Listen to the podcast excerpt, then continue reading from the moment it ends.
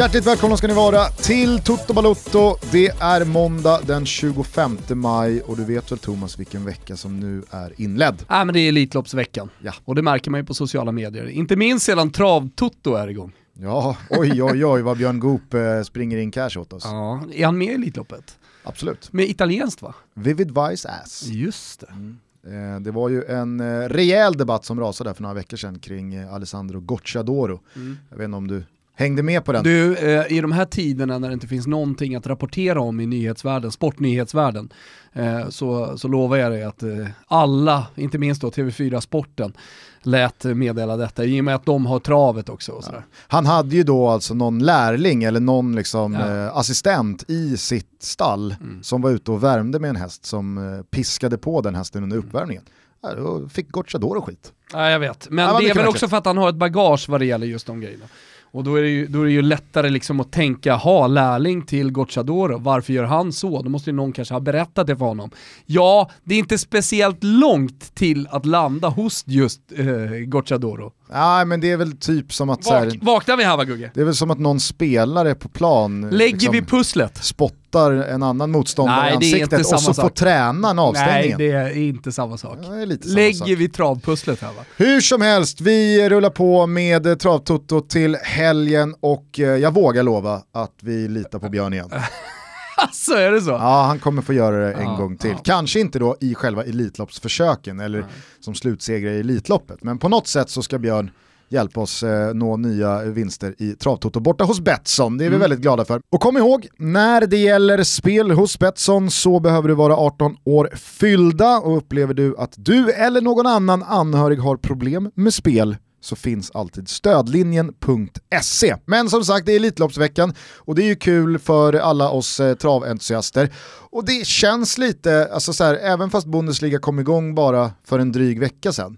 Känslan är ju inte att fotbollen är igång. Nej, Ah, precis. nu är det igång! En sån här vecka så känner jag inte, alltså det här är bara dagar efter att La Liga har gått ut och mer eller mindre klubbat datum, vi kryper närmre och närmre en omstart både kring Serie A och Premier League och det är ju dessutom veckan då Anders Tegnell mer eller mindre har lovat tumme upp och positivt besked för fotbollen i Sverige. Exakt. Men ändå så är det liksom så här, allt är så upp och nervänt, allt är så abstrakt. Och Bundesligas omstart har gjort så lite med mig.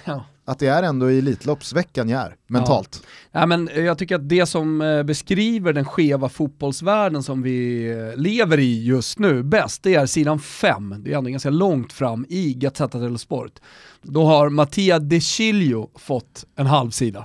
Och hans då framtida öde. Alltså vi pratar om sida 5 i en av världens största sporttidningar. Och man spekulerar då i om han ska bli kvar i Juventus eller om han ska gå till, håll i dig, ja, Barcelona vet du ju om, det Ja. har vi ju pratat om. Eller PSG.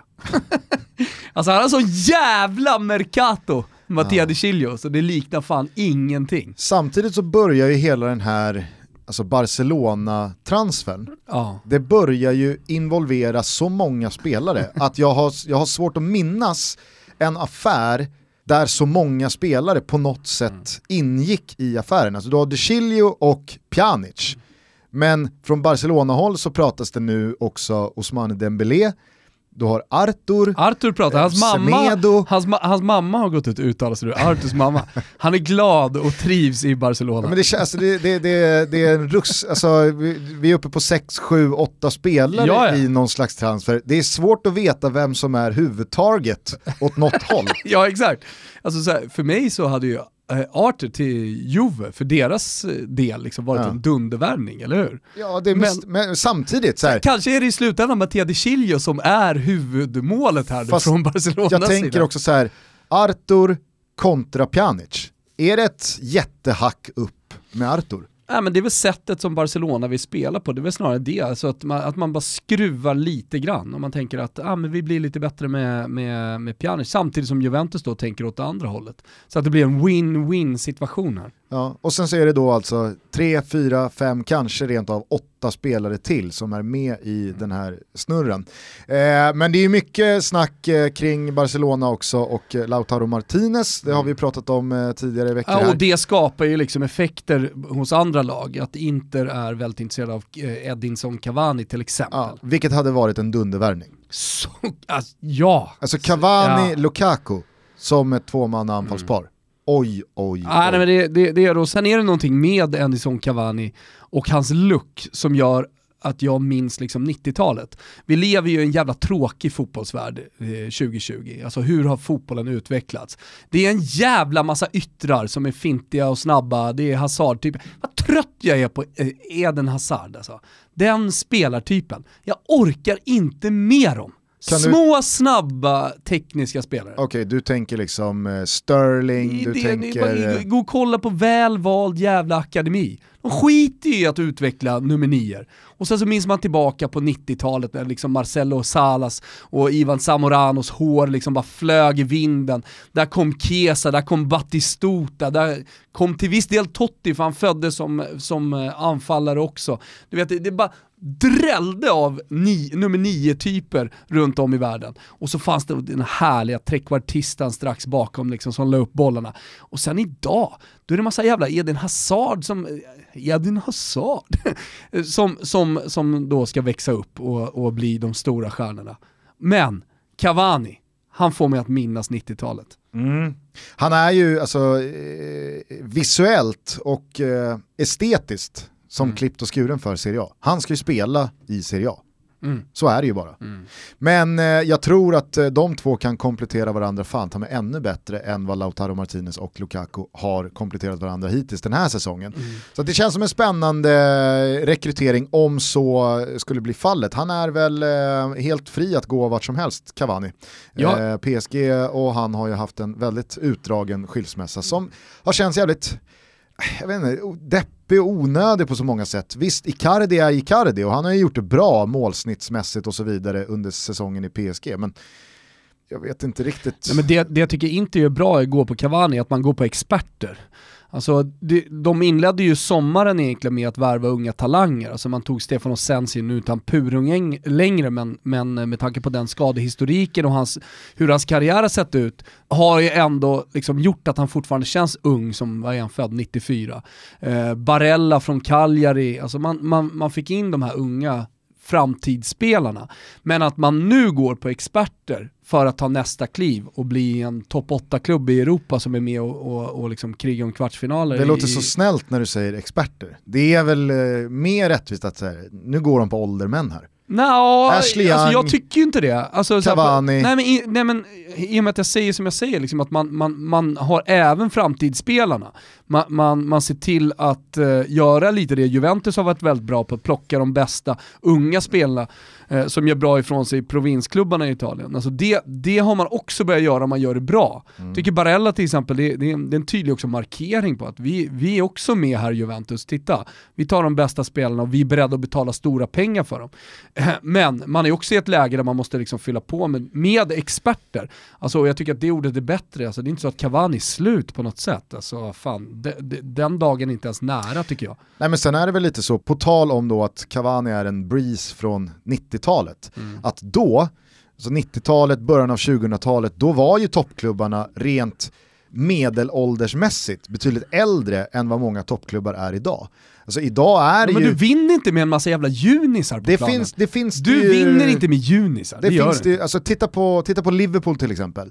De har väl inte en enda spelare i ett lag som alltså har varit i två raka Champions Ja, men League-finaler säger jag, som är 30 bast eller äldre. Alltså, det, är bara, det är bara en reflektion och det säger ju någonting om någonting som då ett undantag som kanske bekräftar en regel. Exakt. Eller tvärtom.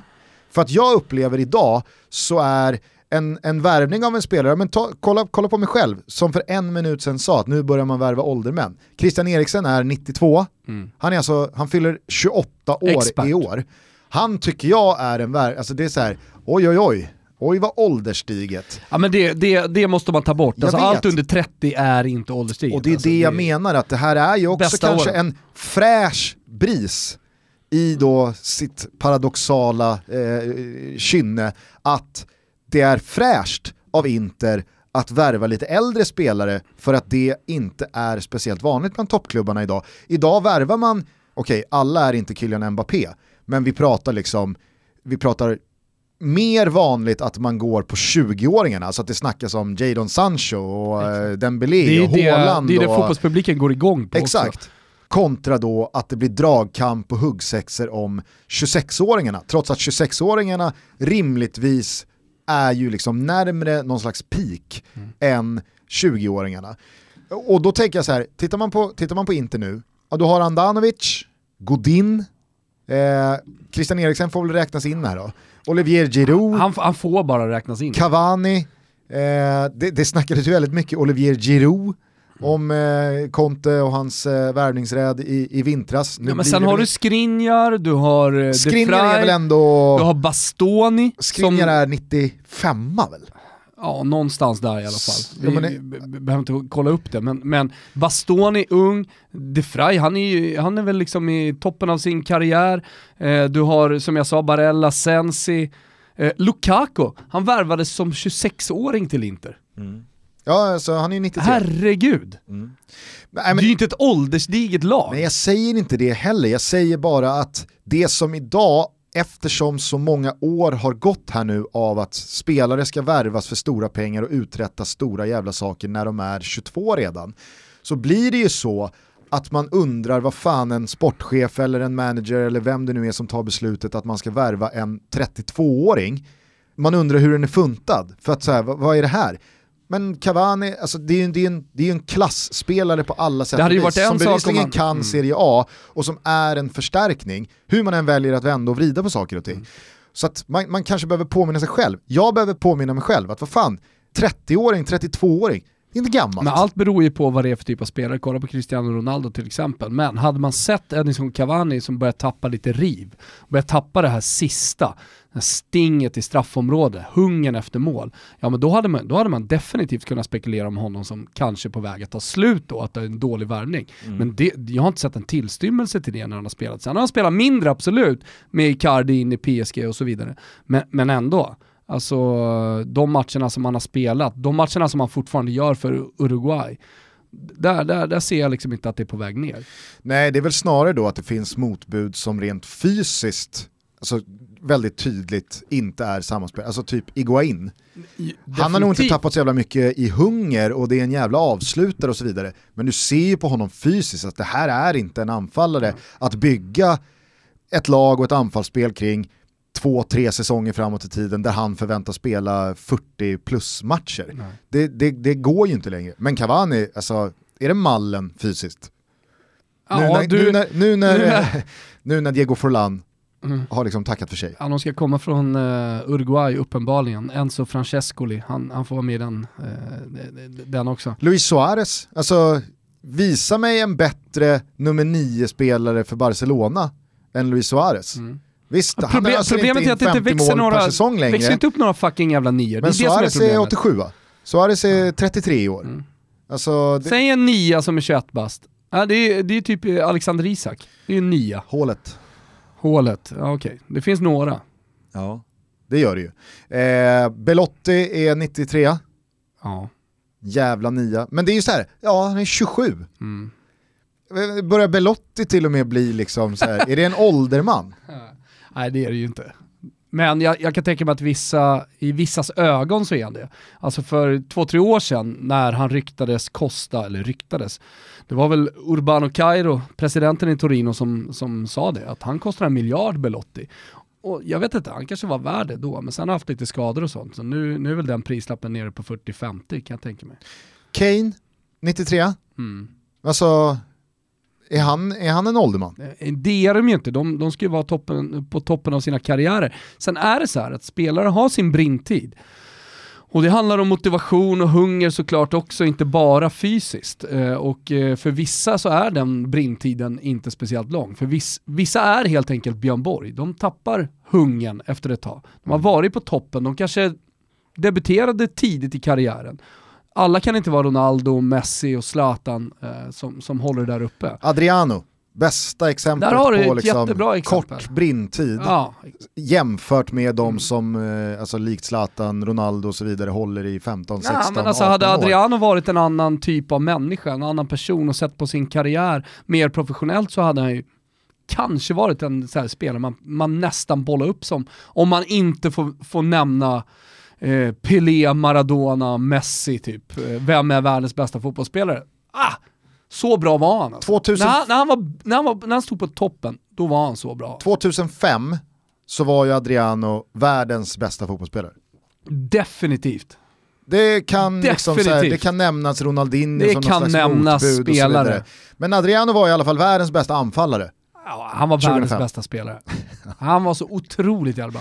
Den säsongen så var han världens bästa fotbollsspelare Kommer du ihåg tider. eh, Confederations Cup sommaren 2005, Ja, alltså ett år nej. innan VM 2006? Adriano var ju, han gjorde ju precis vad han ville. Han hade allt. Så fruktansvärt kraftfull alltså. Mm.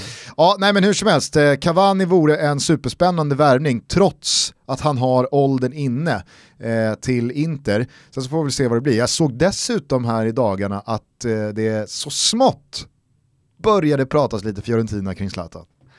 Ja, jag såg det också.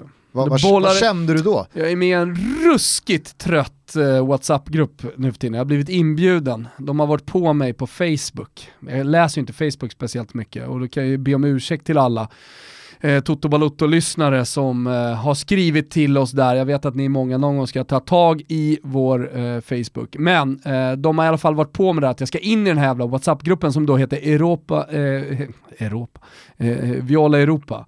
Alltså med presidenter för lokala supporterföreningar, eller nationella supporterföreningar till Fiorentina. Så där har du liksom trötta Viola Club Bryssel till exempel. eh, och, och, och så vidare och så vidare. Och eftersom jag då grundade Viola Club Skandinavien en gång i tiden eh, så har, vill de att jag kommer in. Till slut så gick jag med och så kom jag in där. Och det började då med snack om just Zlatan till Fiorentina. Och Viola Club Balkan, de var ju jävligt törstiga på att han skulle komma dit. Och då var jag tvungen att, då, då var jag tvungen att berätta för dem, då skickade jag ljudmeddelanden då var jag tvungen att berätta för alla hur jävla historielösa de var och eh, hur eh, liksom Zlatans historia på Artemio Franki på vår arena som eh, är, är ganska smutsig historia, både från publikens sida men även från hans sida, liksom hur han agerat när han har gjort mål och så vidare. Så nu är jag inte speciellt omtyckt där, men det är, en, det, det, det är den vaniljaste WhatsApp-gruppen som du, du kan hitta där ute. Men du var således alltså, om jag hör dig rätt, väldigt tydlig med att Zlatan kommer till 0,0% Ja, ja. dra på sig eh, Fiorentinas, vad det ser ut som, extremt snygga Ja. matchtröja till hösten. Ja, de byter till kappa här nu. Inte så att Le Coq Sportif gör fula grejer, tvärtom. De har lyft Fiorentina till en ny nivå tycker jag när de tog över. Eh, men det kappa gör nu är, är det herregud. Lite mörklila färger också. Kan det också vara liksom, viktig motivation för dig att snöra på dig löpardojorna igen? Ja, det för kan den, det där, fan vara. den där alltså. tröjan kan du ju inte dra på dig Nej. som supporter idag. Ja, men jag har två nu, jag har den här. Då får du ju kraten, du får ju navelkraten. Ja, jag får det. Alltså det är inget skämt, jag får det. Och, och jag, jag har precis eh, införskaffat mig en eh, jubileumströja från AIK med det här stora AIK-märket du vet. Eh, satte på mig den och tänkte fan vad snygg jag är i vitt nu. Hade lite solbränna från helgen, vi spelade tre matcher med tjejerna och stått i solen. Men eh, jag tog av mig den snabbt och så hängde jag den på, eh, på den fina galgen som jag fick till. Och så kommer den hänga där ett tag. Det var inte navelkrater. på, ja det var navelkrater. Aj då. Ja, det var Okej. inte kul. Eh, nej men jag såg också att det bara eh, flämtade förbi eh, Roma också gällande Zlatan. Ja, jo men det kommer nog ryckas många klubbar. Ja visst, Alltså i, i och med att det, det, vi går emot att han inte får ett kontrakt med Milan, eller att de inte kommer överens, det handlar inte bara om Milan utan det handlar ju såklart om Zlatans vilja. Eh, om han nu känner som det verkar, som att han vill fortsätta spela fotboll och att han då känner att eh, allsvenskan är för låg nivå, Hammarby var kul, det är ett roligt eh, det hade varit skönt att komma hem till Stockholm och liksom, ja, leva efter karriären-livet, eller börja leva efter karriären-livet. Eh, och känner istället då att han, han har mer att uträtta. Roma, Fio, Bologna, alla de här klubbarna, om de helt plötsligt börjar kasta upp bud, kasta upp pengar till Zlatan, varför inte? nej. Ah, ja, visst. Alltså jag tror inte på det, det, är inte, det, alltså, det om Ja. det finns intresse, Mm. då, då måste man i alla fall prata om det. Ja. Jag tänkte mer utifrån ett så här supportermässigt perspektiv också, att man, Viss, vissa tror jag, svenskar, alltså som likt dig eller mig eller någon annan i det här landet som håller på ett italienskt lag, tror jag är väldigt olika vad gäller, vill man ha en av de största spelarna, i det här fallet då Zlatan som är den överlägset största svenska spelaren, till sitt lag. Mm. Jag, jag, är ju inte alltså, så, och jag har, har, har man stått på en läktare och sjungit eh, de värsta ramserna till en spelare och gjort det från hjärtat, mm. alltså från eh, botten av magen och menat varenda fult ord man har skrikit, då är man jävla hycklare om man går igång på att den spelaren sen ska komma till sin klubb.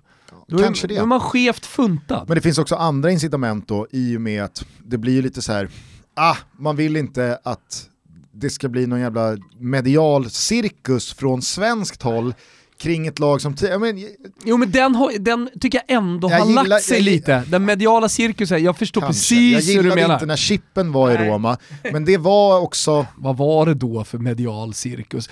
Hur upplevde du den mediala cirkusen kring Robin Olsen? Det var ju ändå krönika vecka in och vecka ut från Wilbur José. Nej men den var ändå uthärdlig. Ja. För att när det, när det väl kom till kritan så tror jag inte att jättemånga slog på och började titta på Roma och prata om Roma enkom för att Robin Olsen stod i målet. Nej. Däremot så har det ju liksom, det har snackats John Guidetti till Roma. Mm. Det har verkligen pratats Albin Ekdal till Roma. Alltså, men Albin tar ju inte med sig den mediala cirkusen jo, på samma sätt. Gör han det? Han har ju, alltså jag pro, tänk, jag... Albins problem alltså, är ju att han aldrig har hamnat i en sån klubb. Nej, precis. Han har ju, ba Nej, han, han, han har ju bara spelat i klubbar som, tyvärr, det går, alltså så här, det svensk, finns ingen svensk supporterklubb till bara, den klubben. Det är bara Zlatan som hade kunnat gå till de klubbar Albin har varit i och det hade blivit ett ja, uppsving intressemässigt. Ja. Alltså inte ens, eh, inte ens eh, nej det, det, finns liksom De ing... få Sampdoria supportrar som får Albin liksom till sig här nu, eller har fått honom till ja. sig här nu, de, de, är ju nöjda över att han spelar där. Ja, han exakt. tar inte med sig någon enorm, liksom. Eh, ja, precis, eh, enorm medial cirkel. Men skulle Albin då ha gått till en klubb som har en svensk supporterklubb, mm. jag tror att det är kanske det som då är grejen, exakt. att det ska finnas en svensk supporterklubb, för då, då är det så pass stort, då finns det så många marginalsupportrar runt om som det man som redan etablerad supporter till ett lag inte vill ska hända är ju att någon utifrån tar på sig mössan och säger nu håller jag på det här laget, jag tycker det är lite kul med det här laget, det, det är jävligt roligt och så har man någonting att säga om ett lag bara för att en svensk spelare hamnat mm. där. Guidetti har ju den, alltså, han har ju verkligen den, tror jag, förmågan. Jag Sen har ju han också hamnat i klubbar, alltså, i, egentligen i hela sin karriär, som inte har den svenska startbasen av supportrar. Det är ingen som håller på Celta Vigo, det är ingen som bryr sig om någon går till Celtic. Alltså så här, äh, det blir inte samma sak. Ja, men jag såg ju nu eh, att eh, din tidning, fotbollskanalen.se, de drog ju på stora rubrikväxeln att eh, John Guidetti hade minsann varit med och påverkat under ett självmål. Inblandad. Han var inblandad i ett självmål. Ja. ja. ja. Och då var det rubrik. Ja, jag menar, vad fan, det, vet, alltså, så här, det vet väl du om någon. Spelare klickas ju av en anledning. Vissa spelare klickas inte av en anledning. Nej. Vissa är ju iskalla och det är ju den här dragningskraften man pratar om. Jag tycker att det är lite magstarkt.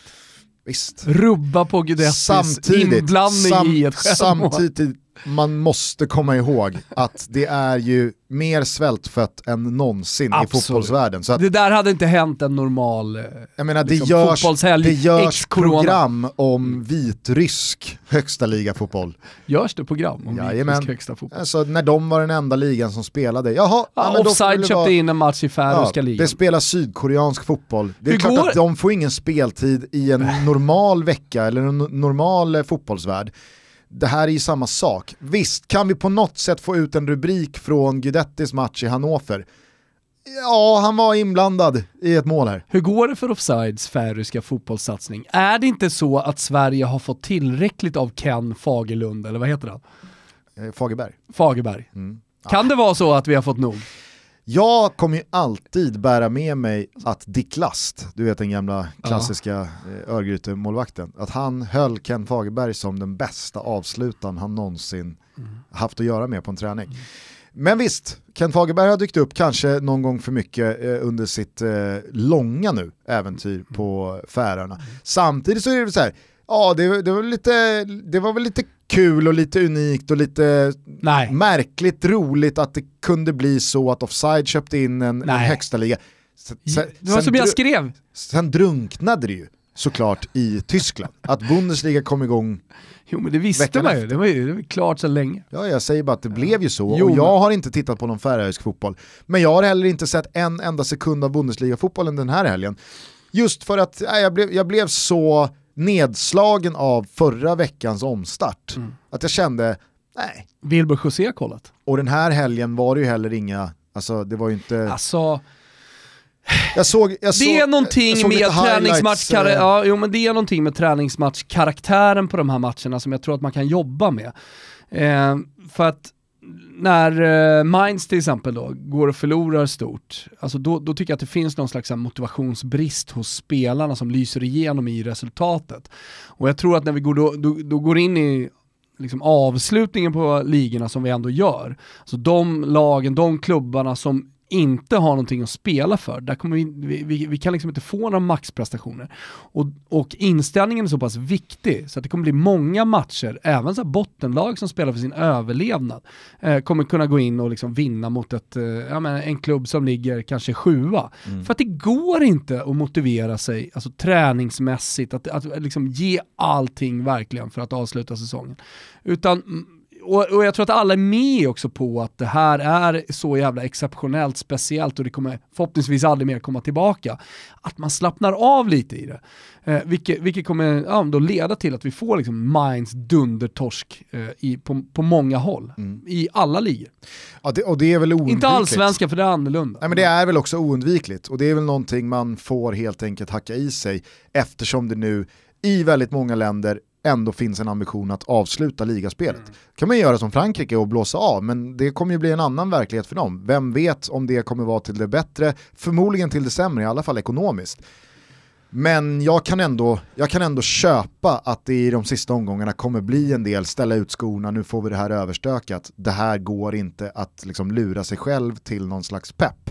Där spelar ju supportrarna och inramningen en otroligt stor roll. Jag tycker det dessutom har blivit väldigt tydligt vad gäller resultaten och poängfördelningen i de här första två omgångarna i Bundesliga, hur mycket publiken har med hemmaplansfördelen att göra. Jag vet inte om du har tänkt på det eller sett siffrorna, men jag läste i morse att under de här första 20 matcherna som har spelats i de här två Bundesliga-omgångarna, visst 20 matcher, det är, om man vill vara lagd så, ett ganska så tunt underlag, men hemmavinsterna på de här 20 matcherna är någonstans drygt 16% Mm. kontra att då hur det har sett ut i Bundesliga fram till man avbröt för coronan. Då ligger hemmaplansvinsterna fördelade på 44-45%. Och jag vet att vi hade ett eh, program i fotbollslabbet om det här eh, när vi pratade just eh, påverkan av eh, vinster, oavgjorda matcher, borta segrar inför tomma läktare. Och att Ola då fullständigt normalt eftersom ytterst lite fotboll har spelats Mm. inför tomma läktare så underlaget är väldigt knapphändigt. Det finns en del matcher från Serie A framförallt eh, och så, så finns det de som har stra- bestraffats med tomma läktare och så vidare.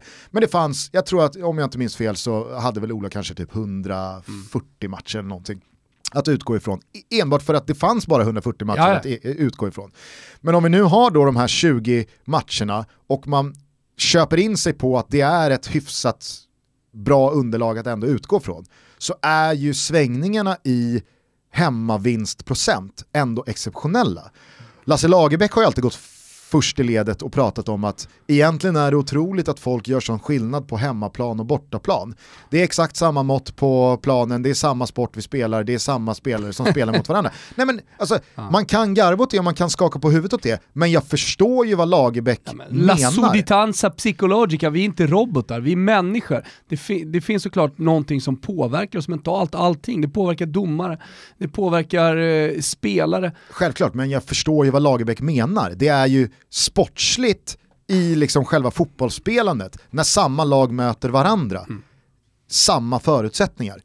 Men med allt runt omkring, de mjuka värdena, att vi inte är robotar som du pratar om, ja men det är väl klart att det påverkar. Och nu blir det ju Alltså det är det mest självklara i hela världen kan jag tycka att det påverkar. Jo, men det, är men, det här, men det här det är, är ju extrema självklart. siffror. Sen så kan det vara liksom så här, okej, okay, i de här två omgångarna så kanske eh, matcherna föll sig så att väldigt bra lag mötte eh, väldigt mycket sämre lag mm. på just bortaplan och att det, det, det kan ha spelat in. Så att det kanske förändras ytterligare efter två omgångar, vad vet jag. Men det är ändå anmärkningsvärt stor skillnad på siffrorna. Ja. Nej, alltså, jag är inte förvånad.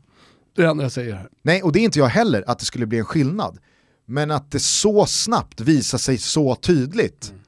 att hemmaplansfördelen inom citationstecken sen, förminskas så otroligt. Mm. Nej, men, och, men sen tror jag också vad det gäller motivationen. Alltså de sista fem omgångarna brukar man ju prata om i ligorna. De brukar spela samtidigt till exempel, eh, bara för att man tar höjd för att vissa klubbar kanske inte då ger allt. Eh, men jag, jag tror att vi, vi kommer se det ännu, ännu tydligare nu när vi går mot en ligaavslutning utan publik. Sen måste jag säga, på tal om då utan publik, att bilderna från Gladbach-Dortmund, där då Borussia Mönchengladbach hade pappfigurer uppe på läktaren, det såg ju mycket, mycket bättre ut än tomma läktare. Ja, jag har ju varit inne på att man ska ha DJs. Vi ska skicka våra capos som har lite koll på rattarna va? Och, och åka runt och, och se till att skapa lite stämning. Och vi har ju faktiskt ett exempel med Valencia mm. eh, som körde ut eh, publikljud i PA-systemet. I alla fall i och med att så här, det är ju en produktion för tittarna. Så att jag menar, det är vi som sitter hemma som, som upplever så det spelar egentligen ingen roll lokalt och hemma vad, vad fan som händer där inne. Nej. För du, kan ändå, du, du är ändå inte där. Det är en sak om du, om du tillåter publik och liksom förhöjer stämningen med typ eh, liksom, publikljud var lite snack om Manchester City, vi var inne på det tidigare, liksom, att man skulle höja liksom, stämningen i lokalerna, liksom, eh, i kulvertarna och så vidare med, med publikljud.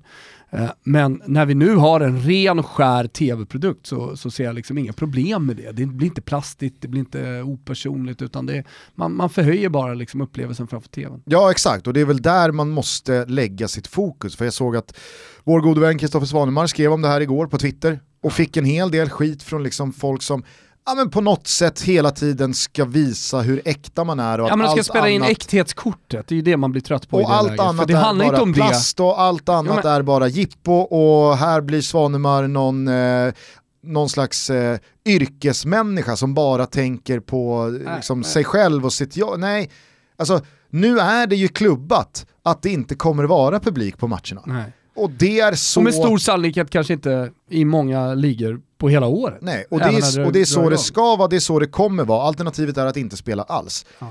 Ingen säger väl när man säger jag tyckte det såg bättre ut med eh, pappfigurer eh, på läktaren än att läktarna var helt tomma. Ingen säger ju med det att äh, jag föredrar inte att det ska vara publik på läktaren utan jag kan lika gärna köra pappfigurer. utan det handlar om att så här, i en pissig situation så kan man väl skruva på några möjliga eh, alternativ till det några procent bättre visuellt genom tvn. För att det är enda sättet vi kommer uppleva fotboll kommande månader, kanske halvår, kanske rent av ett år. Mm. Nej, visst, det är ingen som säger att fotboll är en tv-sport och anpassar den från tv-publiken. Men nu är det ju så. Så att jag fattar inte. Det är nu Stadio Friuli som är inspirerad av, är det Sporting Lissabons eh, hemmaarena med, med, olika färg på stolarna, upplever sin storhetstid när Serie A kommer igång igen. Alltså det, det är ju det är gjort så för att om man inte fyller eh, läktarna till bredden så ser det ändå ut som att det är fullt. Vad heter, den där, vad heter arenan i... Eh, man, det, men det är, det är liksom ett collage av olika färger, alltså stolarna på, på, på läktaren. Ja. Och då blir det lite så här rörig känsla och blandat då med lite publik så får man ändå en feeling av att det är fullt. En av de första var väl, eh, vad fan, heter den Donbass? Donbass Arena? Har inte Shakhtar spelat där eh, under sina Champions League-matcher? Alltså den är ju färgglad i sina eh, tomma läktare. Så att det ska se ut som att... Det... Eh, olika arenor de har spelat på, det, det, det, där, där har jag inte full koll. Jag vet ju att de flyttade i och med inbördeskrig, inbördeskrig, eh, ryssarna som kom från öst och då kunde man inte vara kvar och så, så fick man byta arena och så spelade man på annan ort. Jag tror fan att det är Donbass arena. Nu ska vi se här. Ja visst. De fick ju flytta ut från Donbass och sen så spelade de väl på den i Kiev ja. som är färgglad just för att det ska se ut som att mm. det är publik när det bara är halvfullt. Ja, jag, jag, tycker det bara blir löjligt att man ska sitta och understryka att man inte föredrar att titta på fotboll via tvn, eller att man inte föredrar att det är publik på läktaren. Det gör väl alla? Alla vill se fotboll live på en arena, alla vill att det ska vara publik på läktaren. Men i den här tiden som nu ligger framför oss så måste man väl kunna säga att jag tycker det ser bättre ut med pappfigurer på läktaren än helt tomma betongläktare och bara tomma stolar utan att man för den delen tar på sig en jävla julgranshatt och blir en plastis. Eller? Ja, jag håller med. Jag håller helt med. Och sen, visst, jag förstår att det är ytterligare ett steg i fejkade publikljud i PA-system, men herregud, jag tror att det också gör skillnad för tv-upplevelsen. Mm. Och det är den upplevelsen som är alternativet för att titta på fotboll kommande månader, halvår. Eller så ser man ingen fotboll alls. Taradam, taradam. Vet du vad det var? Det var en fanfar. Jajamensan, det är nämligen så att A Days March är tillbaka i Toto. En av våra mest uppskattade sponsorer Verkligen. genom tiderna. Och eh, för er då som inte känner till A Day Smart sedan tidigare så är det alltså ett klädmärke för män. Och när jag säger klädmärke så är det inte vilket som helst Gusten, utan det handlar om plagg av högsta kvalitet till bättre priser eftersom de inte används av några återförsäljare eller mellanhänder. De gör enkla, okomplicerade plagg med en design som håller över tid. Mm. Och vi har ju, både du och jag har ju flera plagg från A Days March. Vi fick ju upp ögonen för dem senaste gången de var med eh, och sponsrade Toto Balotto. Och helvete vilken jävla kvalitet det är. Och förhållandet kvalitet-pris det skulle jag säga, det är fan branschledande. Mm, verkligen. Eh, det är ju faktiskt så att i detta nu så sitter både du och jag i ett par A Days March sneakers. Just det. Det gör vi. Och det gör vi med stolthet. Jag har ju ett litet märke från baren i London innan vi såg eh, Chelsea mot eh, Bayern München. Ser du här längst fram? Det stör mig, men de är ändå väldigt fina. Jag måste bara haka på det du säger, för att eh, de gånger jag har varit inne i butiken på Kungsgatan här i Stockholm mm så är det verkligen så att man vänder sig åt vänster och så hänger det ett par tröjor som man tänker, jäklar vad snygga. Mm. Och sen så på bordet till höger så ligger det ett par byxor som man, äh, de där måste jag också prova.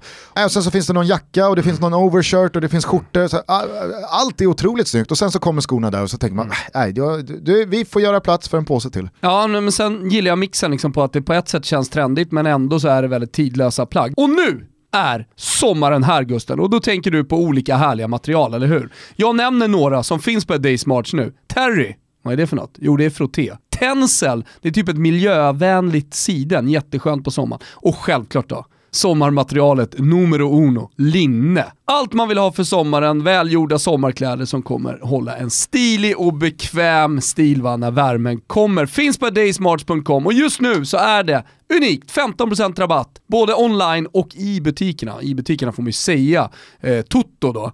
Eh, men handlar man på daysmarts.com då är det koden TOTO som gäller får man 15% rabatt. Vi säger ett stort tack till Day Smart för att ni är med och möjliggör Toto Valuto. Tack A Day Smart. Då är jag nyfiken på vad du har att säga om det danska alternativet här då, nu när superligan drar igång igen. Har du, har du ja, hängt med vad, vad som händer där? De har alltså smält upp stora skärmar på alla eh, läktare och sen så får man då som säsongskortinnehavare eller som ja, någon som frekvent brukar besöka arenan och se sitt lag, då får man då köpa in sig via den här eh, chattfunktionen eh, Zoom. Mm. Alltså det är väl typ som eh, Skype, va? alltså videosamtal. Och då får du köpa en plats på din läktare och då dyker du upp fysiskt på den skärmen, på den läktaren, på den platsen. Och du får således också se matchen i din device, i din skärm via kameran bara därifrån. Du får inte de olika kameravinklarna utan du får bara se matchen. Hur dyker du upp sa du? Alltså hur syns du? Du köper en biljett. Jag vill se matchen från Södra. Ja. Och så pröjsar du vad det nu kostar. Mm. Och sen så får du då någon slags inlogg via mm. Zoom. Och så får du den kamera. Och så, få, så finns det, en, de det finns många... en kamera på södra, eh, tre kameror kanske på långsidorna och sen så en kamera på norra. Och så får du liksom säga, ah, men jag, jag brukar alltid stå på norra eller jag brukar alltid sitta på Men då, västra. då, måste du, då måste du ju skapa helhetsupplevelsen, då måste du ju skapa förbärsen. Du, du måste liksom, eh, ja är du tysk då, spöka ut det rejält med alla halsdukar och pins och jeansvästar och, och, och, grejer. Eh, och, och sen så eh, på något sätt eh, ha, jag vet inte om man går att bjuda in polare om alla gör det samtidigt. Hur många får man vara max i, i Tyskland i en grupp? Nu har de väl höjt igen. Ja, nu från... kanske de har höjt. Men säg att man får vara tio då. Ja, men så bjuder man in de tio. Och sen tänker jag att man umgås då under säsongen. Eller hur? Mm. Och är ingen smittad, ja nej men då, då är det ju lugnt ju liksom, så man umgås bara med dem. Och så kör man förmatchen och alltihop och sen så loggar man in på sin device. Kan man koppla det här till någon slags virtual reality VR-goggles? Liksom? I sådana fall så För i så fall, man... då, börjar, då, börjar vi, då börjar vi närma oss ja, någonting. Ja, och då borde man ju liksom, eh, då, då borde man ju väga in typ eh, biluthyrningsfirmer som man då kan köpa in sin minibuss. Och så kan man köra virtual reality sex timmar bort, Exakt, så kan man köra sex timmar bortaresa med sitt kompisgäng som man brukar gå på matchen med. Och så får man då liksom, man får sex timmar, och har vi, har vi sex timmar Stockholm-Helsingborg? Ja. Va? Det kanske vore någonting. Ja, det, nu så här, det finns åtta platser. Fram med haschet! jo, Fram med haschet Bosse, nu jävlar åker vi. Och då ska det ju inte vara någon liksom så här häftig berg och dalbaneresa nej, nej, längs någon cool väg. Utan då ska det e vara virtual reality E4 södergående, pissiga liksom Värnamo-sträckan där det inte händer någonting. Men, men däremot så ska man ju kunna gå in på macken. Alltså det, det, måste de ju lösa, du ska kunna pissa i skogen. ja, jag vet inte, men alltså, vad, vad säger du initialt då om eh, Superligans eh, alternativer? Alltså, alltså, är, är det, alltså, är det jag tycker att all kreativitet är bra i det här läget. Alltså så här, ta det för långt, ta det inte för långt. Om folk vill köpa det och testa på det, låt dem göra det. Alltså jag, jag, jag, jag, tycker att all kreativitet är bra, för det kanske föder ett annat förslag eller en annan idé som är ännu bättre. Det... Som inte jag sitter inne på. Alltså jag är lite skeptisk för att jag känner ändå så här, okej okay, det här kanske ändå är too much. Det jag däremot det, tycker det, att det, det finns... är en sak om du är påtvingad att köpa det här, men det, det, det är upp till var och en att göra det. Ja, jag, jag gillar kreativiteten. Jag säger bara, min, min spontana magkänslereaktion på det här är, det här är ändå lite too much va? Mm. Men det jag känner när jag tänker på det ett varv extra är ju att för spelarna tror jag ändå att det är skillnad. Jag tror att det är Mittjylland som gör det här på sin hemmaarena. Det här alltså är inte, om det nu lät så när jag förklarade det, eh, hela danska superligan. Men det är Mittjylland tror jag som kör det här. Säg vadå, eh, Mittjylland kanske löser 3000 pers då, som betalar för det här första omgången det ger ju ändå dimensionen av att det är 3000 pers på de här skärmarna som tittar live. Det är, det är riktiga människor. Det tror jag ändå gör någonting med spelarna. Mm. Kontra då pappfigurer, i synnerhet kontra helt tomma läktare. Kanske inte är så jävla dum Gör du må, alltså, mm. då, det du pratar om kring minds här, mm. att det finns liksom så här, äh, men man, man ger upp. Ja. Det bara blir en total pyspunka för att det är inför tomma läktare och det är helt meningslöst här är det ju ändå, låt säga att det blir 3000 pers. Mm. Det är 3000 pers som faktiskt kollar. Kan de dessutom göra ljud från sig som hörs? då kan ju folk liksom bua, då kan, ja, men du vet, ja, ja. då kan folk skrika någonting. Tänk dig att höra via en skärm någon liksom överförfriskad... Det kan bli ett ruskigt fiasko känner jag här också. Absolut, men det kan ju också, alltså den, den situationen, att den kan uppstå, att en spelare i mittgyllan går ut och liksom tar ett inkast och hör genom en skärm tre meter bakom sig. Du är för jävla dålig! Risken är ju att det blir lite så trollvarning på det där, alltså att det, det, det då liksom köp sådana här biljetter i och med att rösten då hörs mm. från, eh, vad vet jag, motståndarsupportrar, Roma, folk som bara vill jiddra. Såg du det? Roma, Roma, trollade ju in, eh, Roma trollade ju in sin vargmaskot på Gladbachs läktare. Ja. Såg du det? Nej. Så var det en bild då. Har de en vargmaskot verkligen? De har en vargmaskot. Jag har missat den. Jo fast det, alltså, såhär, den är inte... Den är inte frekvent använd. Exakt, alltså, den är inte, den är inte jätteprofilerad. Nej, nej. Men Roma... Det finns ju andra maskotar som är mer profilerade. Du har Järnkaninen. Den ja. är ju profilerad. Absolut. Ja. Absolut. Eh, du har Gnagis. Ju, eh, och sen, nej, lill, lillgnag, eller är det bara Gnagis? Gnagis. Okay, ja. eh, jag gillar ju annars, eh, vad heter den då? Gunnersaurus. Den är ju ruskigt profilerad den gröna dinosaurien för Arsenal ja. som Wenger alltid körde kämpiga high-fives med Ja. när de hade vunnit. Och han stod och skakade på svansen.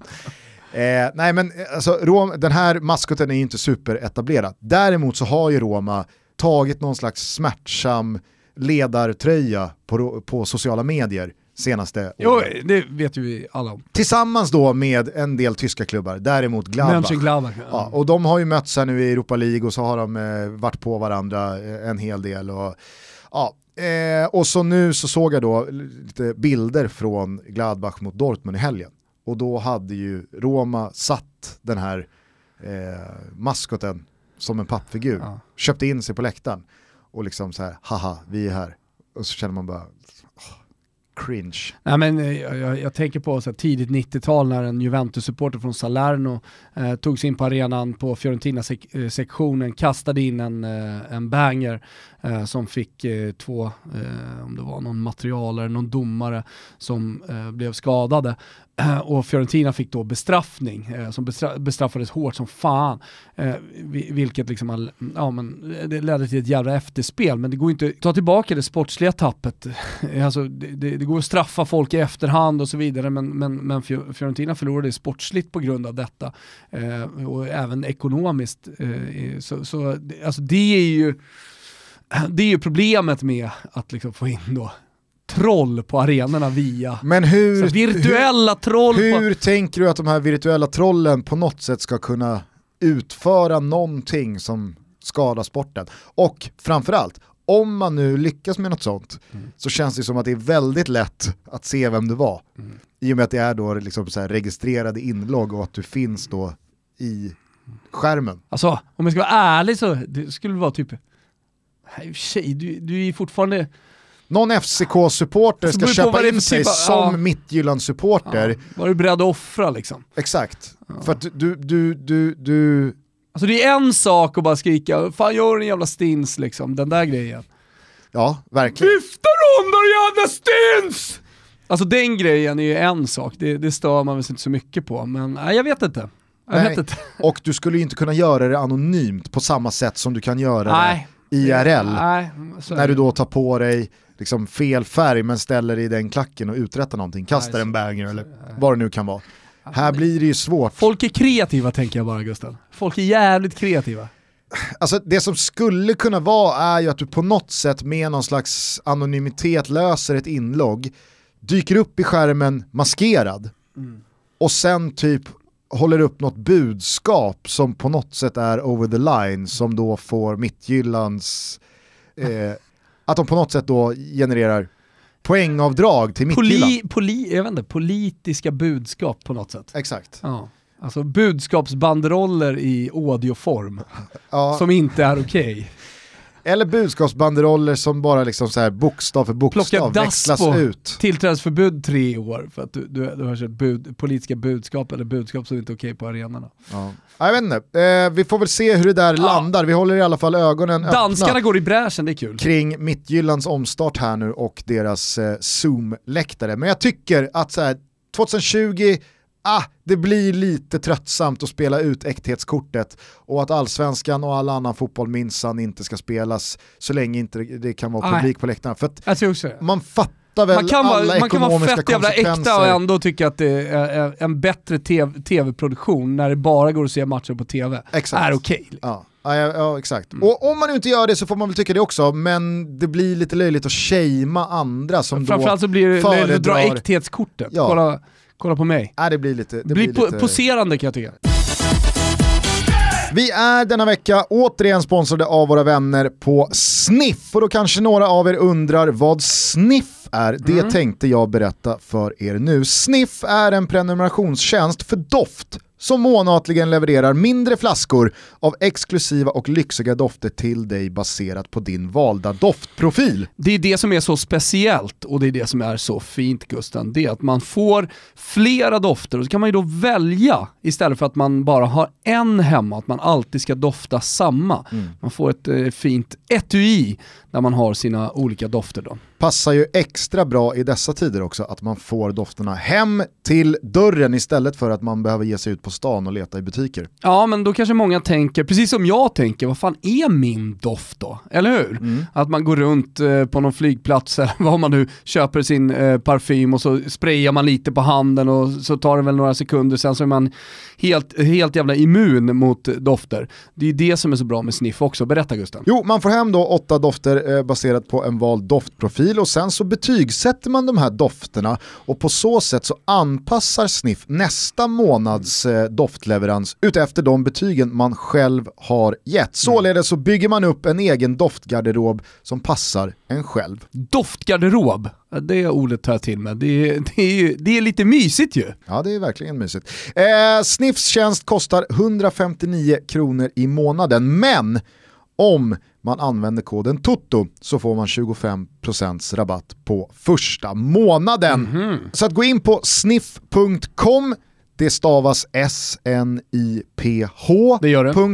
inte på något annat sätt.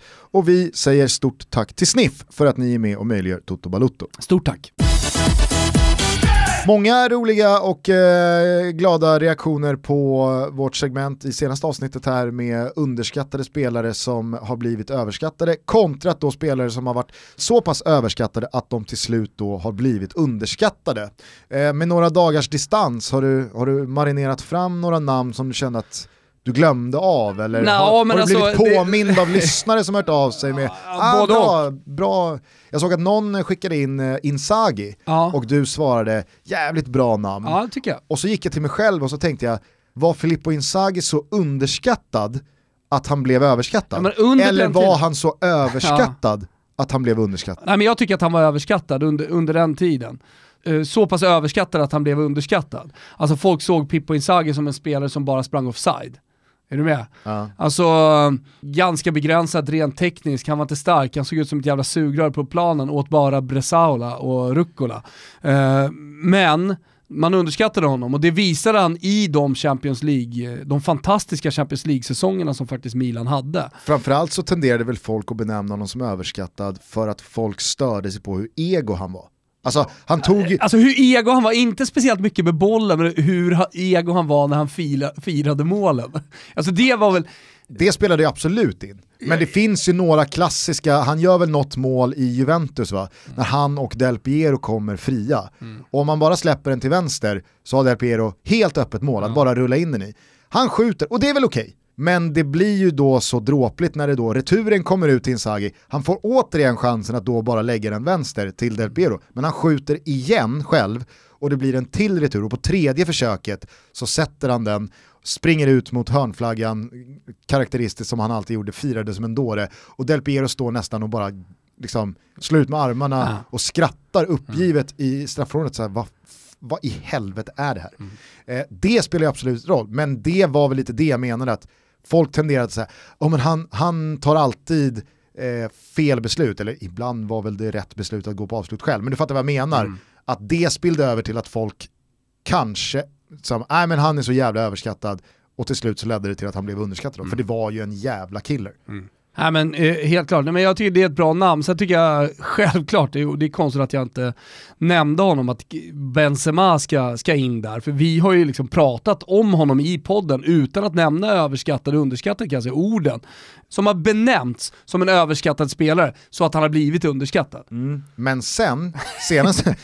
ja, men han, har gjort, han har gjort resan. Han har ju verkligen gjort resan.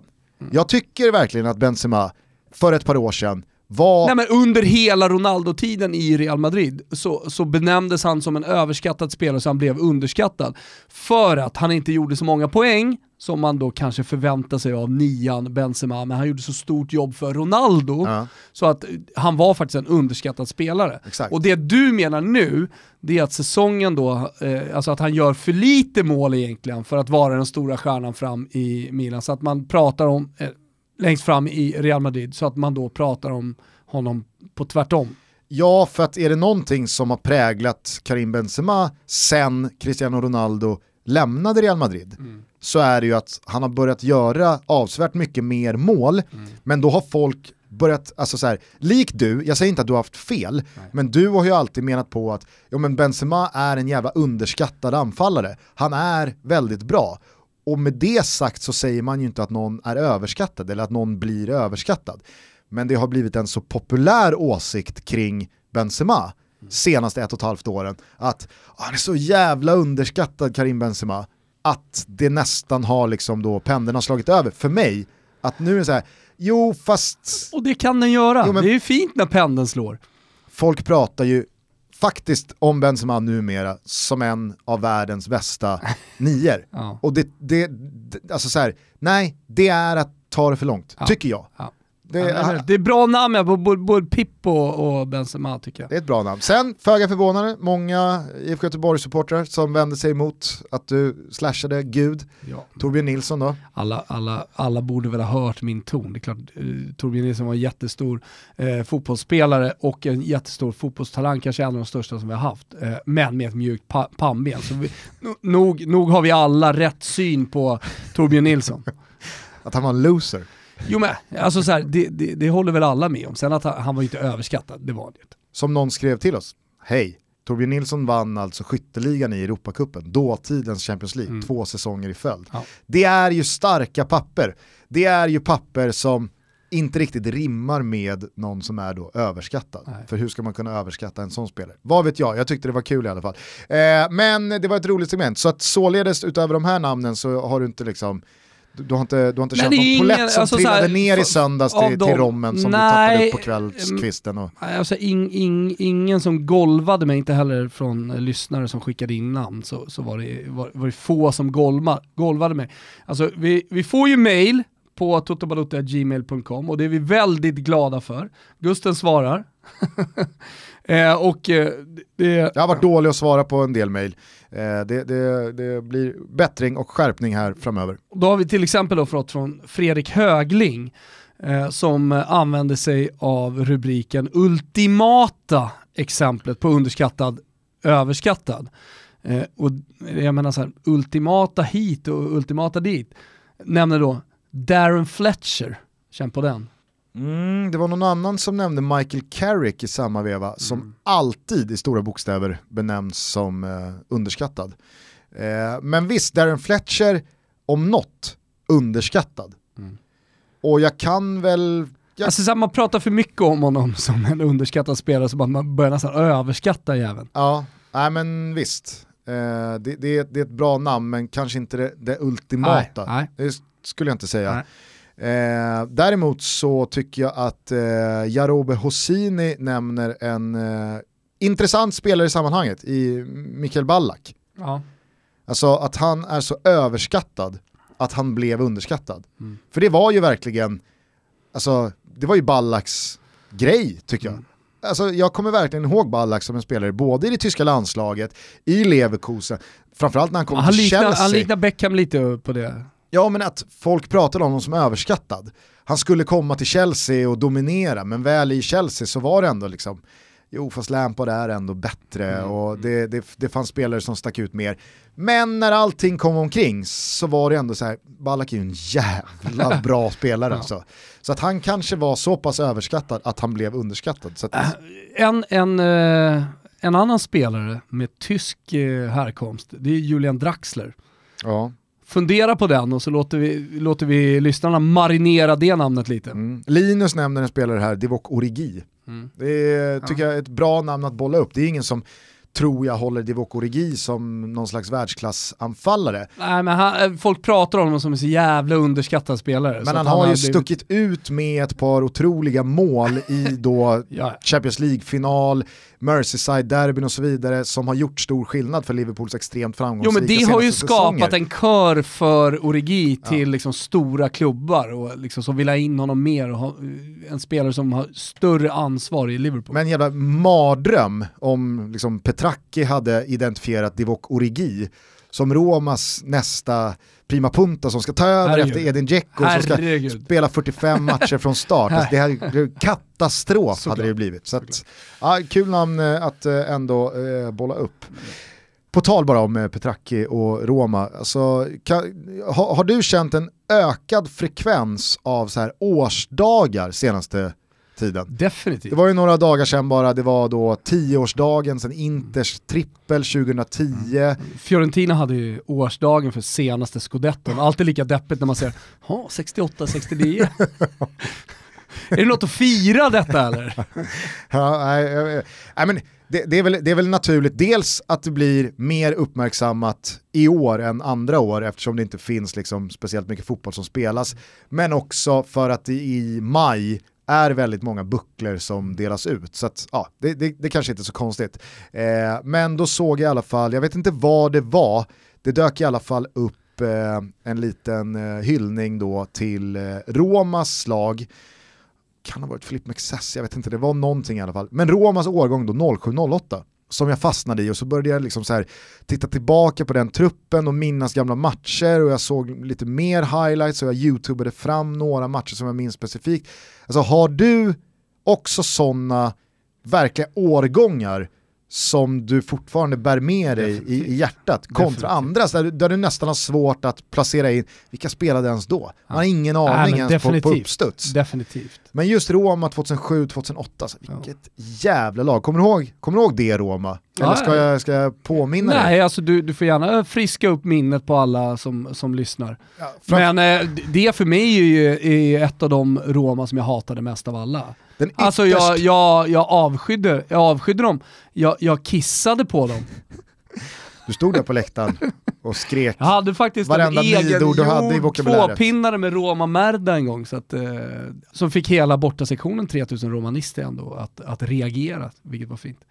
Du hade den extremt svårälskade Doni i målet. Kommer du ihåg ja, ja. Så jävla svår att tycka om. Han kändes, han kändes så opersonlig och dryg och äh, det var någonting. Och sen så en, en backlinje med Max Tonetto mm.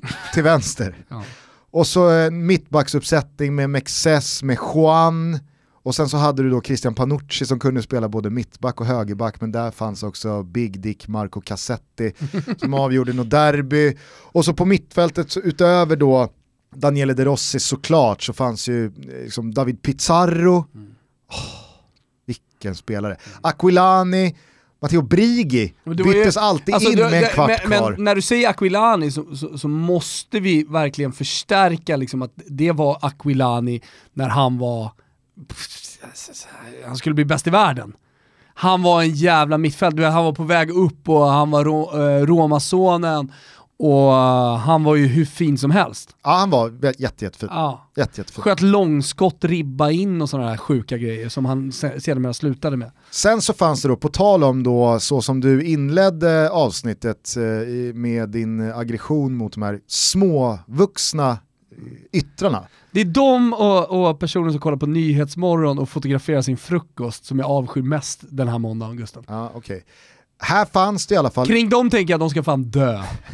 Här fanns det ju yttrar, en del småvuxna absolut, men framförallt, det var en annan skola av yttrarna. Mm. De gjorde inte jättemycket mål, men det var, alltså, jag, jag vet inte, du får, du får reagera ja, på dem. Du Nej, får... jag håller med, alltså klassiska Okej, okay, vilka fanns här då? Jo, Rodrigo Tadej, ja.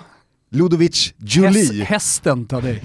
ja med den otroligt, otroligt eh, älskvärda målgesten när han jag... stoppade in handen under tröjan ja. och liksom bultade eh, ut från tröjan som att hjärtat slog från Det är otroligt att fler inte har snott den målgesten av honom. Mm. Gick han till Bologna eller? För jag var Perugia. På... Perugia kanske han gick till. Jag gick, just det, Perugia var det. Det är inte jättelångt Men som Rom. spelare i Perugia kom han tillbaka och stod i kurvan. Jag var på den matchen. Aha. Okay. Jag, jag, jag, var på den matchen och så såg man hur det började röra sig. Och man märker på pressläktaren att så här, fan det är någonting som händer här. Vad är, vad, vad är på gång liksom? Eh, så att hela Kurva sol var liksom, ja, men det var några konstiga rörelser, du vet det är liksom som vågor. Och sen så började det viskas och, och sen så förstod man då att eh, Rodrigo Tadej, han, han hade tagit plats på den övre sektionen. Mäktigt. Mm. Eh, nej men eh, utöver då... Ju Daniele De Rossi tagit plats i kurvan, har du sett det? Ja, det, har väl, det har väl ingen missat. När han spökade ut sig ja, och gjorde ja, jag vet Vi la väl ut det på vår Instagram och ja, det, det, var, ju, det var ju en jättegrej på sociala kanske vi medier. gjorde, ja ja, skitsamma då. Det var en supergrej Vi glömmer att jag medier. sa det. Eh, hur som helst då, utöver Rodrigo Tadej bara och Ludovic Juli så fanns ju även Mancini. Ja, ja. Där har du en poängspelare som bara försvann. Ja, som bara försvann.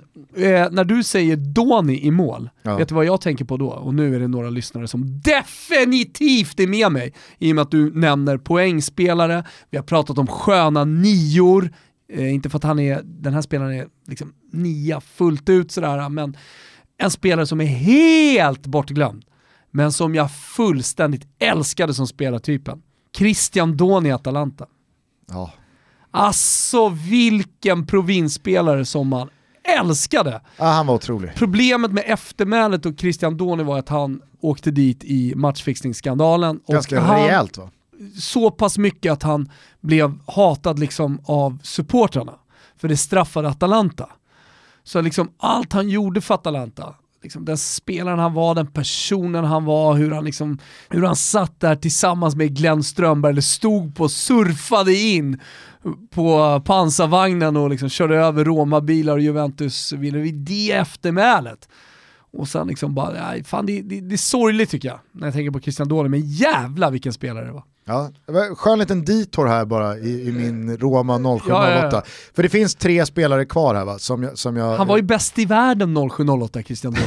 Nej det var han inte. jo det var. Det var han verkligen inte. Nej, men Francesco Totti såklart eh, förgrundsfigur. Alltså. Men två spelare här som, som verkligen är den här tidens Roma. Som jag älskade så jävla mycket. växer ju inte på träd Nej, och- och vet- Doni! Denis! Hela ligan! Fan! En- en det är bara spelare- massa små jävla chippar ute på kanterna som ska hålla på och trixa! Ja, och vet du vilken spelare jag skulle komma till, eller vilka två spelare jag skulle komma till, som inte liksom växer på träd, som inte, alltså de, de, de, görs inte längre idag. Så yttrarna, det ska vara Ett. Tadej där Simone ute. Perotta. Verkligen. Så här, vad var det för spelare? Jag vet fortfarande inte vad inte Simone Perotta var Perotta. för spelare. Nej. Vad hade han för position?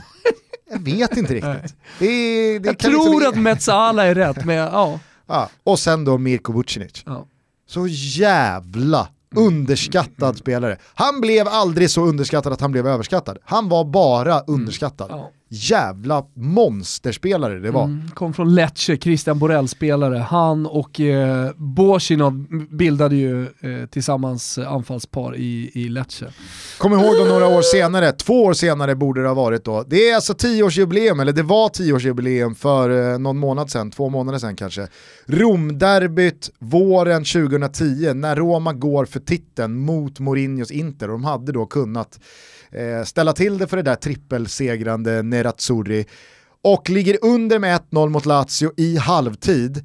Claudio Ranieri visar upp de absolut största pungkulorna en tränare någonsin har visat upp när han i paus tar ut både Totti och Yes. De Rossi. Och sen så går Roma ut och först så räddar Julio Sergio en straff Julio Sergio av alla. eh, till 2-0 för Lazio. Julio Cesar menar du tänker då, flera, flera, flera lyssnare. Nej nej nej, det var Julio Sergio som stod i Roma mål. Jajamän, Julio Sergio. Så jävla märkliga keeprar på slutet ni. Ja, verkligen. Och sen så istället då så gör Mirko Vucinic två mål och vänder det där derbyt. Alltså det var, det är nog the Romderby för mig. Som man på något sätt har upplevt eh, i, i en eh, respektabel ålder. Det fanns ju ett par, par derbyn där runt millennieskiftet men där var man ju för ung och det var, det var hela den grejen. Men just det där, alltså Mirko Vucinic för evigt liksom inristad som en eh, extremt stor personlig favorit. I ett Roma som var extremt älskvärt. Nu är det något annat, de görs annorlunda idag. Skulle du komma någonstans med, när du inledde det här? Nej, kanske Jag inte. tänkte att du skulle börja prata om så här årsdagar och så att du skulle börja prata om att eh, Simon Jag- numera sänder eh, Tottis avskedsmatch Ja, den finns där, eh, den finns där. Jag eh, såg att som- de gjorde reklam för den på sporten. Ja, liksom. och jag så avslutade med såhär, missa inte Tottis. Nej. Är han så stor i Sverige? Ja. Han är det alltså. Mm. Framförallt så tror jag att... Når ut i stugorna. Ja, men det du är och helt jag... sjukt om Totti når ut i stugorna. Ja, Spotty. Det finns ju två läger. Ja. Spotty och Totti. Jo, ja, men så här, han når ut till vissa, Vi- vissa andra skakar bara på huvudet och, och, och säger spotty. Nej, men jag tror framförallt så, du och jag har ju nämnt det, vi gjorde det senast här i samband med Marcus Rosenbergs avtackning, att ytterst få spelare har ju fått en riktigt jävla värdig avtackning som ja, men, på något sätt levde upp till vem spelaren var, både för en stor fotbollsvärld eh, eller ett fotbollsland och i synnerhet då klubben som man har verkat i. Men Totti är ju liksom, det är ju Marcus Rosenberg i kvadrat eh, sett till gärning och det är ju en avtackning som jag tycker fortfarande saknar motstycke i hur man har tackat av en spelare vad gäller värdighet och så vidare. Sen att James Palotta, presidenten, är där och lägger en Ja men det, det tycker jag snarare skapar någonting eh, extra till avtackningen. Att så här, han är där men ändå så blev det så jävla fint. Ja. Nej, men, eh, se, se Tottis avtackning, ligger i eh, sin helhet eh, hos Simor bland mycket, mycket annat godis.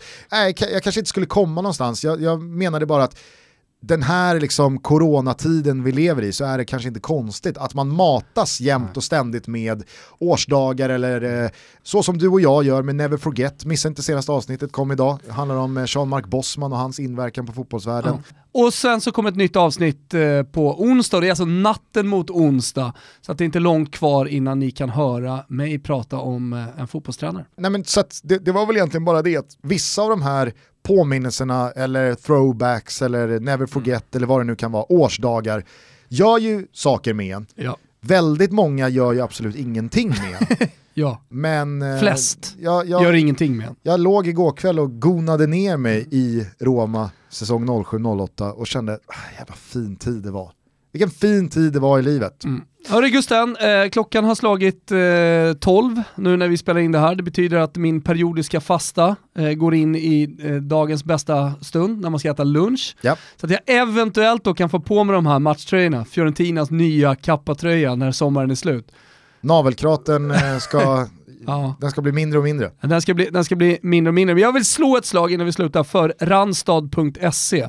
Alltså går ni i jobbsökartankar eller tänker ni på er karriär, ni eh, tänker långsiktigt eller kortsiktigt vad det gäller er arbetskarriär, ja men då ska ni gå in på randstad.se. Det var egentligen bara det. För att eh, jag, jag tror ändå det är många som funderar och i de här tiderna när det är permitteringar och så vidare, att man funderar kanske lite extra kring sin karriär. Fan står jag någonstans? Vad gör jag nu? Ja, men inspirera er, gå in på randstad.se. Kanske framförallt så har de här tiderna gjort att folk tänker, gör jag det jag vill göra? Exakt. Man, man får mer tid till eftertanke. Jag kanske borde utnyttja mitt liv mer till att göra det jag faktiskt vill göra. Exakt. Så, Så att, eh, ja, jag tyckte att det var en bra rekommendation att avsluta avsnittet med. Vi hörs om några dagar igen förhoppningsvis. Så har då Anders Tegnell klubbat igenom att vi kan starta upp den svenska elitfotbollssäsongen från och med helgen 14-15 juni. Yes. Och sen så kan vi då tillsammans med övriga toppligor runt om i Europa starta igång en otroligt speciell men också väldigt intensiv och förhoppningsvis väldigt rolig fotbollssommar. Med pappfigurer på läktarna, med Capos som DJ. Jag hoppas det i alla fall. Och eventuellt då med virtuella troll på Zoom-skärmar i Danmark. Ciao tutti! Ciao tutti. Jag tänker alltid på dig när sommaren slår ut. La na na na na La na na na na Det var aldrig meningen att det skulle bli jag och du. La na na na na La na na na na Det är tuffa tider för en del för en drömmare, för en drömmare. Tunga tuffa tider när man står bredvid. Som en drömmare, som en drömmare. Ibland kan jag undra hur vardagen